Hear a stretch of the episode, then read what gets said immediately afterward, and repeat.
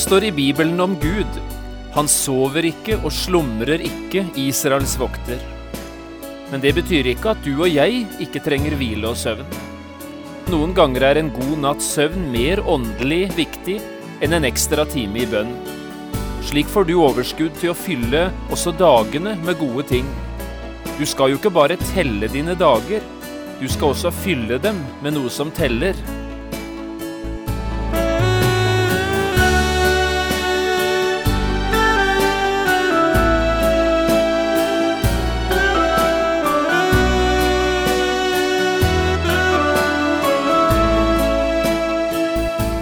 Hjertelig velkommen til et nytt program i serien Vindu mot livet. Programmet er produsert av Kristen Riksradio og blir ledet av Jon Hardang. Kristen Riksradio drives av frivillige gaver. Vi er glade for din støtte.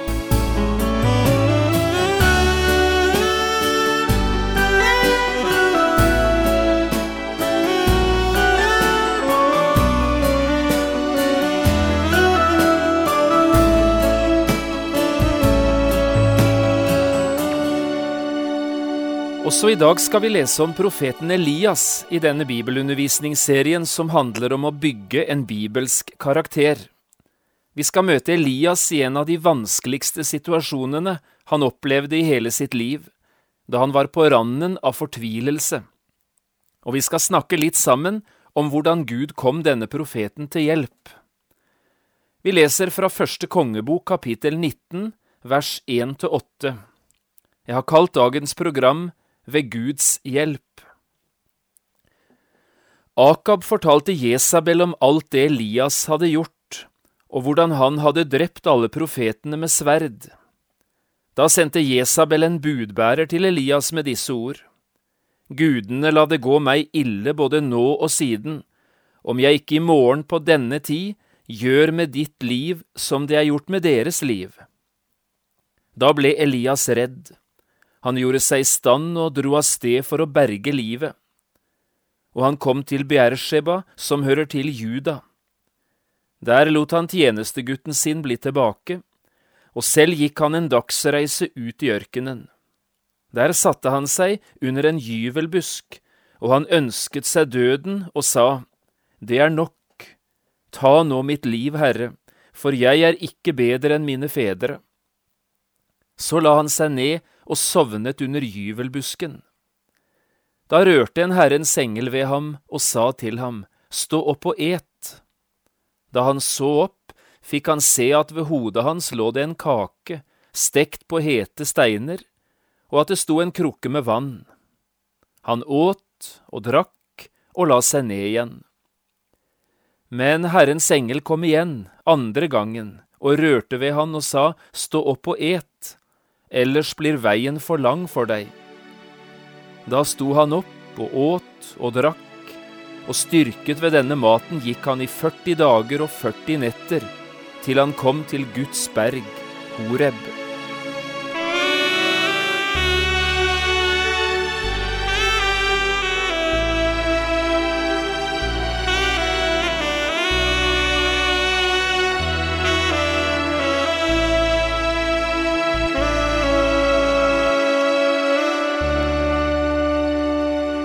I en av sine bøker forteller H.E. Wisløff om en opplevelse fra sin tid som prest i Oslo. En formiddag hadde han vært på husbesøk, for å besøke en mann som ikke hadde noe særlig positivt forhold til kristen tro. Og Wisløff opplevde heller ikke at det kom noe særlig godt ut av besøket hos denne eldre mannen. Han følte ikke at han nådde skikkelig inn. Så da han gikk hjemover, på vei til prestekontoret var han rett og slett motløs. Presten gikk gjennom bygaten i Oslo, og i et av kvartalene kom han forbi et hus som var under oppussing. Et stort stillas var satt opp på fortauet, og et skilt var hengt opp som en advarsel til fotgjengerne som gikk forbi. Men H.E. Wisløff gikk i sine egne tanker, nedstemt og mismodig etter husbesøket, og så verken stillaset eller plakaten. Dermed gikk han rett inn i stillaset og dunket hodet inn i en av de massive jernstengene. Dette ublide møtet med jernstanga rystet presten ut av de nedstemte tankene. Og den mismodige presten fikk litt å tenke på da han så opp og leste ordene som sto på plakaten. Se opp, det arbeides på taket. H. E. Wisle forteller i boka si det var som om jeg våknet opp av en drøm. Det var som Gud selv sa det til meg. Hvorfor er du så mismodig? Se opp, det arbeides på taket. Møtet med denne massive jernstanga var en brutal måte å motta sjelesorg på. Men jeg møtte Gud, sier presten, og for meg ble ordene på plakaten som et håndtrykk fra Gud selv. Et håndtrykk til en nedstemt og mismodig Herrens tjener. Det er profeten Elias vi møter her i første kongebok 19, og det er omtrent den samme situasjonen han befinner seg i, som det vi nettopp hørte om denne mismodige Oslo-presten. Elias har falt i forsakthetens sump, i fortvilelsens sump, for å bruke bildet fra boka Pilegrims vandring og Elias var i ferd med å gi opp. Til tross for sine mange personlige erfaringer av Guds omsorg i vanskelige tider, og til tross for seieren han akkurat hadde fått oppleve på Karmel. Elias er både nedstemt og motløs når vi nå møter han under gyvelbusken, på flukt fra dronning Jesabels trusler om hevn. Men akkurat som det var en himmel over Karmelfjellet, og hjelp å få for Herrens tjener da han kjempet alene mot hundrevis av avgudsprofeter, slik var det også en himmel over gyvelbusken, der den samme Herrens tjener nå lå og ønsket seg døden, totalt utbrent og utslitt. Og det er dette vi skal snakke litt om i dag, hvordan den nedstemte og fortvilte Herrens profet kom seg på beina igjen. Det skjedde ved Guds hjelp. I en kjent tegneserie laget av amerikaneren Charles Schulz møter vi en gang de to tegneseriefigurene Linus og Lucy.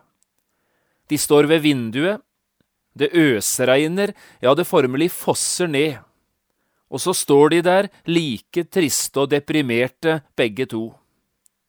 Lucy sier, Se på det regnet. Tenk om det oversvømmer hele verden. Linus svarer, Det kommer aldri til å skje, Lucy. I første Mosebok ni sier Gud til Noah at en slik vannflom aldri vil komme igjen. Det er regnbuen et tegn på.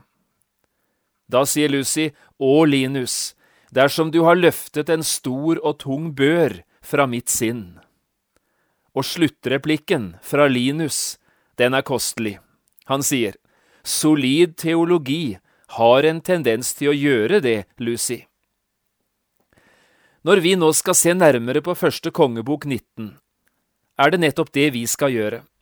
Prøve å finne fram til litt sunn teologi, som kan løfte børene fra de menneskene som ligger i fortvilelsens sump, og evne å trekke de opp igjen. Enten det nå er Elias det handler om, eller mennesker som deg og meg. Gud vil gjerne løfte byrdene fra det nedstemte og plagede sinn. Og det skjer, hver gang det skjer, alltid på samme måten, ved Guds hjelp. Hvordan kom Gud denne fortvilte profeten Elias til hjelp? Jeg tror vi skal merke oss tre viktige ting. For det første, Gud lot Elias få rikelig med hvile og mat. Det er det første som er viktig å merke seg. Gud lot Elias få rikelig med hvile og mat. Vi hørte det i det vi leste fra begynnelsen i dag. Først hvordan Elias la seg ned og sovnet under gyvelbusken, og så hvordan Herrens engel to ganger vekket han opp og lot han få spise, drikke og så hvile seg igjen. Stå opp og et, Elias, ellers blir veien for lang for deg. Og enden på englebesøket var dette. Styrket ved denne maten gikk han 40 dager og 40 netter, til han kom til Guds berg, Horeb. Det er noe utrolig viktig Gud på denne måten lærer oss. Også en kristen har bruk for hvile og mat. At også en Guds tjener kan bli utslitt, det vet vi nok de fleste av oss. At vi har behov for hvile og rekreasjon, det er like selvsagt for en kristen som for alle andre mennesker. Men av og til ser det ut som om Gud har bedre greie på hva det er å være menneske, enn en del kristne mennesker syns å ha det. Vi blir ofte så åndelige i vår tankegang at vi helt glemmer de menneskelige sidene. Og dermed er det nok egentlig et spørsmål om hvor åndelig, dypest sett, vi egentlig er. Et menneske består av ånd, sjel og legeme. Og alle disse tre områdene i livet har sine spesielle behov som må ivaretas. Alle tre områder hører tett sammen, og de er innbyrdes avhengig av hverandre. Lir vi på ett av disse områdene, ja, så merkes det på de andre livsområdene. Det var en fantastisk cateringservice Elias fikk midt ute i villmarken. En krukke med friskt, iskaldt vann, og så en deilig, nystekt og varm kake, levert rett fra det himmelske bakeriet, og på det perfekte tidspunkt. Snakk om oppvartning. Akkurat det Elias trengte. Og så ikke noe mer. Gud dro ikke i gang noen samtale, stilte ikke ett spørsmål. Det eneste Elias fikk høre, var dette, stå opp og et. Du og jeg ville kanskje ha sagt stå opp og jobb, Elias, men Herren sa stå opp og et. Punktum. Og så la Elias seg til å sove igjen etter første servering, og sov dypt og lenge. Vi mennesker gir ofte andre responser til motløse folk enn det Gud gjør. Når det er vi som skal møte mennesker som setter ord på sin fortvilelse og sin motløshet. Vi spør for eksempel motløs, du, hvorfor det, hva er grunnen til det? Eller vi sier har du så mye å være fortvilt for, da er det andre som har det mye verre enn deg. Eller kanskje det verste, du skulle skamme deg, du er blitt et forferdelig selvopptatt menneske. Motløse mennesker, fortvilte mennesker, trenger som regel ikke skjenneprekener eller håpløse diskusjoner om hvem som har det verst. De trenger litt forståelse, og så litt mat, og så mye hvile og ro. To ganger kom Gud til Elias på denne måten, med hvile og med mat. Herrens engel kom igjen andre gangen og rørte ved ham og sa, Stå opp og et, ellers blir veien for lang for deg. Det er sikkert noen som lurer på hva slags superkost og hva slags superdrikk dette er, som kan få et menneske til å gå i 40 dager og 40 netter. Det har jeg ikke noe godt svar på. Det eneste jeg har å si, er dette. Et motløst menneske trenger først og fremst mat og hvile, eller rekreasjon, som vi av og til kaller det. Det står selvsagt om Gud i Bibelen. Han sover ikke og slumrer ikke, Israels vokter. Men det betyr ikke at du og jeg ikke trenger det. Noen ganger er en god natts søvn mye mer åndelig riktig enn en ekstra time i bønn. Det er viktig for at vi også skal kunne nyte livet og fylle det med de ting som gjør livet godt å leve. Det er også en viktig sak. Du skal jo ikke bare telle dine dager, du skal også fylle dagene med noe som teller. Det andre Gud så gjør med Elias, er å tale til han, og det på en ganske bestemt måte. Gud talte mildt til den fortvilte profeten. Han talte mildt, ikke hardt. Det begynte allerede ved gyvelbusken.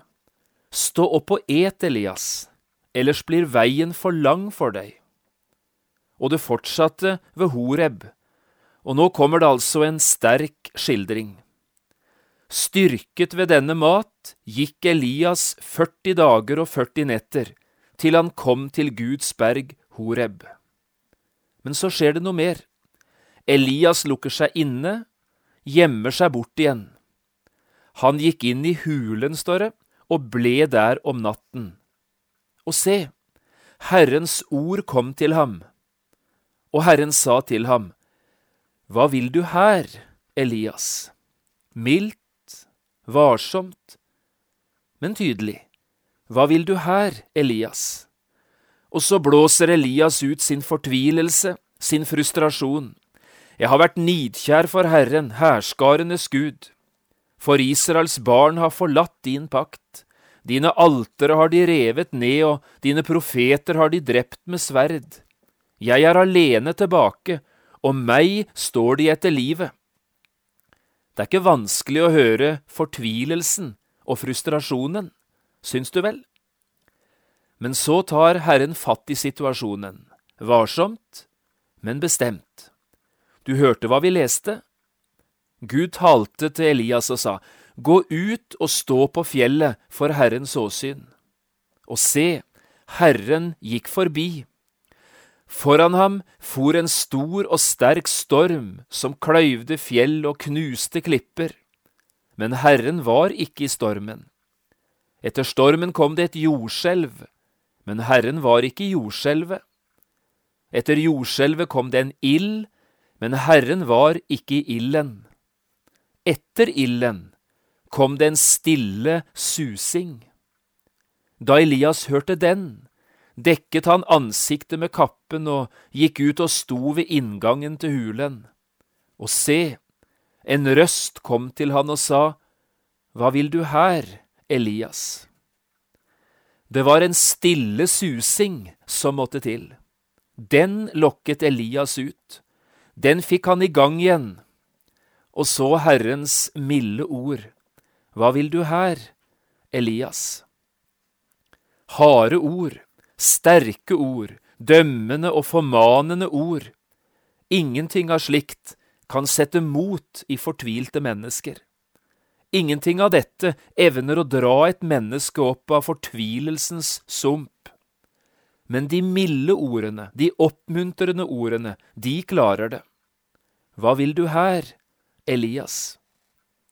Skuffede og fortvilte mennesker er ofte skrøpelige mennesker, ikke så robuste. De ligner nesten på kinesisk porselen. Det er vakkert, men skjørt. Fortvilte mennesker må behandles varsomt og mildt, aldri slås i ansiktet, aldri overhøvles av harde ord. Du trenger ikke heve stemmen når du snakker til et fortvilt menneske, det er helt andre ting som fanger oppmerksomheten. Det er omsorg og varme. Og her ute foran inngangen til hulen holder Elias igjen sin preken for Gud, den andre gangen denne dagen. Men nå svarer Gud Elias. Gå tilbake, Elias, og ta veien til ødemarken ved Damaskus. Gå inn i byen og salv Hasael til konge over Syria Jehu, Nimis sønn, skal du salve til konge over Israel. Og Elisa, Safats sønn, fra Abel Mehola, skal du salve til profet i ditt sted. Dersom Gud sier, Elias, det er fremdeles en oppgave som venter, det er fremdeles en gjerning som skal gjøres, gå av sted, det er jeg som bestemmer din pensjonsdato, ikke du. Og så legger Gud til, men jeg vil la 7000 bli tilbake i Israel, alle som ikke har bøyd kne for Baal, og alle som ikke har kysset han med sin munn. Tror du at du er den eneste som er igjen, Elias? Det er feil. Det er mange flere enn du ser. Det er tusener av dem, bare her i Israel. Du kan nok føle deg alene, men du er ikke alene. Dette er Herrens mildhet. Først lar han den fortvilte flykte. Så lar han den fortvilte øse ut sin frustrasjon, ikke bare én gang, men flere, og Herren lytter. Og så, endelig, taler Herren selv, mildt og tydelig. Kjenner du deg motløs, du som lytter nå, fortvilt og forsagt? La Herren få tale til deg i sin mildhet, om Jesus og om frelsen i Han. Det kan gi også deg kraft og mot. Guds milde ord, ordet om Jesus, kan trekke den fortvilte opp igjen fra fortvilelsens mørke sump. Og så det siste til slutt i dag. Gud ga også Elias en ny venn, Elisa, Safats sønn. En mann med det nesten samme navnet som Elias, Elisa, og en mann av samme sinn og av samme ånd som ildprofeten fra Karmel. Elias fikk først høre dette navnet utenfor fjellhulen ved Horeb. Du skal salve Elisa, Safats sønn, til profet i ditt sted. Siden møtte Elias selv denne unge odelssønnen, der han gikk og pløyde utenfor farens jorder. Elias kaster kaldskapen over skuldrene til den unge mannen, og dermed er Elisa den nye Herrens profet. Elisa tar farvel med familien og følger siden Elias trofast så lenge ildprofeten står i tjenesten. Siden hører vi aldri mer om en tilsvarende fortvilelse og utmattelse i profeten Elias' liv. Han møtte ganske sikkert både vanskelige og tunge dager, men det fikk aldri slike virkninger som den perioden da han kavet i fortvilelsens skitne sump, da han lå under gyvelbusken og ønsket seg døden. Hvordan møtte Gud Elias? Gud ga han hvile og rekreasjon. Gud gav ham et lyttende øre og et mildt, godt budskap. Og Gud ga han en helt ny venn, som elsket han og tjente han. Det skapte de store forandringene og en helt ny frimodighet i Elias' liv. Det er på samme måten Gud også vil møte deg og meg i dag. Gud vil møte den som sliter, med nedstemthet og fortvilelse. Du trenger det Elias fikk. Du trenger hvile og rekreasjon. Du skal få lov å øse ut din sorg for Guds åsyn. Han lytter. Og du skal få ta imot hans milde, gode ord. Kanskje vil Gud også gi deg en nær, god venn, en ny medvandrer, som du fra nå av skal få være sammen med på veien. Slik kan det bli forandring også i ditt liv, ved Guds hjelp.